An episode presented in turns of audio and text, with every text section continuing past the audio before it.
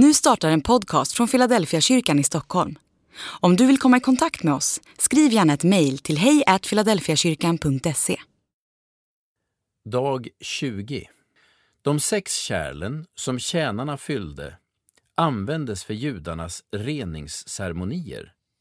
Jesus använde dessa krukor för att ge dem en annan innebörd än judarna var vana vid.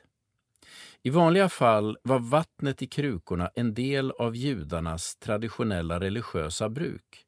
Man använde det för att rena sig inför högtider. Utan denna rening kunde man inte närma sig Gud.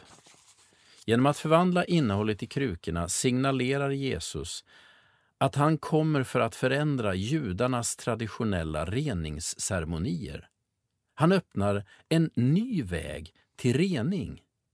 Det är inte längre vatten eller speciella ceremonier som gör människor rena inför Gud. Det gör Jesus. Budskapet är tydligt. Man kan helt enkelt komma med allt till Jesus och låta honom röra vid det, så blir det förvandlat. Det finns en poäng i berättelsen till alla människor som lever med religiösa regler eller traditioner.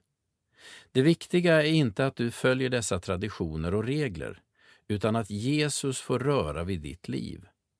Det är bara han som kan förvandla vårt vatten till vin.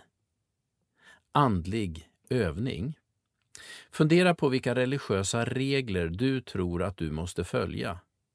Låt Jesus röra vid dessa och förvandla dina tankar. Det viktigaste är inte att följa regler, utan att följa Jesus.